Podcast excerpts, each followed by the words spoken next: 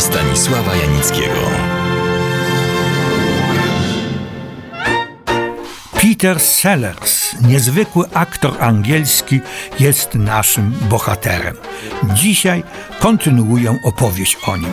Przypomnę tylko, że to on grał wiele ról, przekształcając się w coraz to inne postacie w takich głośnych i wartościowych filmach, jak w czarnej komedii Jak zabić starszą panią, satyrze Mysz, która reknęła, czy w znakomitym, gorzkim, ale i prześmiewczym komediodramacie Doktor Strangelove, czyli Jak przestałem się bać i pokochałem bombę atomową dla jasności i przypomnienia.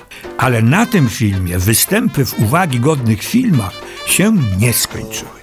Najważniejsze było rozpoczęcie jeszcze przed doktorem Strangelove serii komediowo-kryminalnej o inspektorze Clouseau. Ten niezdarny, gamoniowaty, choć nie do końca, inspektor policji zachwycał i bawił przez wiele lat widzów na całym świecie. W Polsce również. Zaś główny motyw muzyczny znany jest i przerabiany na wszelkie sposoby po dziś dzień. To ciekawe i zaskakujące. Jedni mówią o historykach filmu, o ludziach pióra i myśli. Uważają tę serię, w sumie było sześć odcinków, nie telewizyjnych, a kinowych, z inspektorem Clouseau w głównej roli za jedną z najznakomitszych w historii dziesiątej muzy. Ale inni, nie mniej szacowni znawcy przedmiotu, pomijają różową panterę i jej potomstwo nawet w popularnych opracowaniach dla szerokich kręgów widzów. Nie chcę wdawać się w czysto teoretyczne czy wręcz scholastyczne spory, ale wydaje mi się, że rzecz polega na tak zwanym kącie widzenia lub przysłowiowym miejscu siedzenia. Seria z komisarzem inspektorem Clouseau utrzymana jest w pewnej, istniejącej w kinie od niepamiętnych czasów konwencji polegającej z grubsza rzecz biorąc na łączeniu popularnych wątków, postaci i sytuacji oraz tworzeniu przy ich pomocy opowieści zawierających odpowiednią dawkę sensacji, zagadki kryminalnej, łagodnego erotyzmu i komizmu. Ta mieszanka może, rzecz jasna, wielu widzów razić, nudzić czy denerwować ale inni wielbiciele kina popularnego odnajdują w niej strawę wcale smaczną.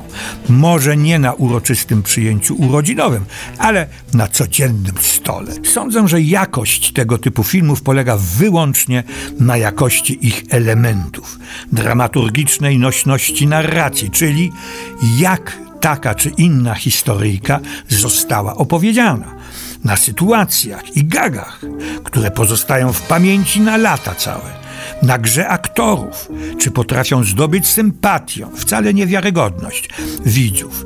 Dalej na klarownych, ładnych, cokolwiek by to nie znaczyło, zdjęciach, na sprawnym montażu i, szczególnie ważne, na muzyce, która musi wpadać w ucho i pozostać w nim na lata całe. A cykl ten, rozpoczęty Różową Panterą w 1963 roku, wymienione warunki spełniał.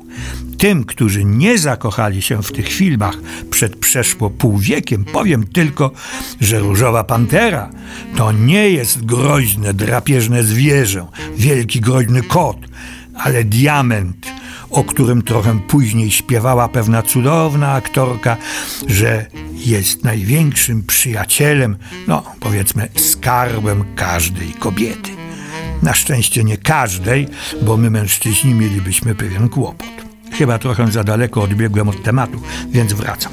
Tym diamentem, czyli różową panterą, ma się opiekować, strzec go przed dżentelmenem włamywaczem właśnie inspektor Clouseau, czyli Peter Sellers. Dodam tylko, że tego dżentelmena włamywacza gra urzekający kobiety swym niepowtarzalnym urokiem David Niven. Inspektor policji Peter Sellers uważa się za geniusza, no powiedzmy za bystrzaka, który da sobie radę, rozwiąże każdą zagadkę, ale okazuje się, że sprawa jest znacznie bardziej skomplikowana. Choćby z tego powodu, a tego nikt nie mógł przewidzieć, że piękna żona inspektora związana jest z owym włamywaczem dżentelmenem. Mój Boże, ale żonę inspektora gra Klaudia Cardinale.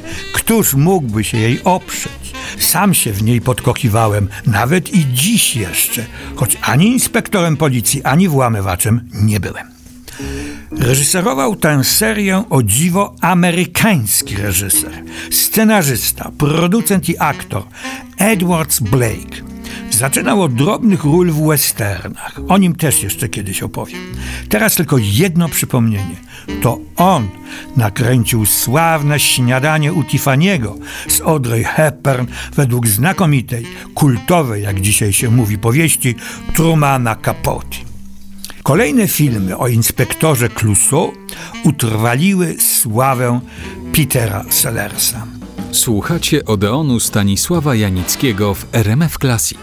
Strzał w ciemnościach, powód różowej pantery, różowa pantera kontratakuje, syn różowej pantery.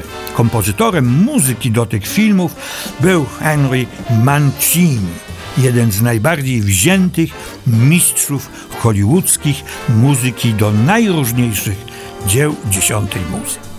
A Peter Sellers zaczął się, często tak bywa, nieco powtarzać w kolejnych kinowych odcinkach. To dla aktora groźna choroba. Peter Sellers jej uległ. Pod koniec życia, jakby się ocknął i ku zaskoczeniu wielu pokazał swą wielką artystyczną klasę. Zagrał w filmie Wystarczy być według prozy Jerzego Kosińskiego.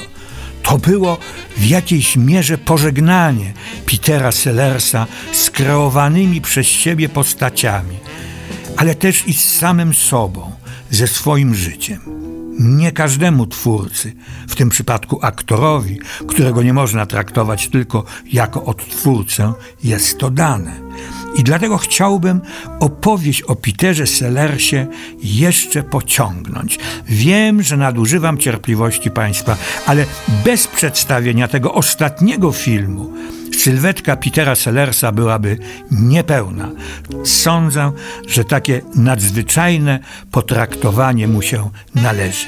Zapraszam więc Państwa do Odeonu na pożegnanie z Peterem Sellersem, który zmarł 34 lata temu. Warto o nim pamiętać.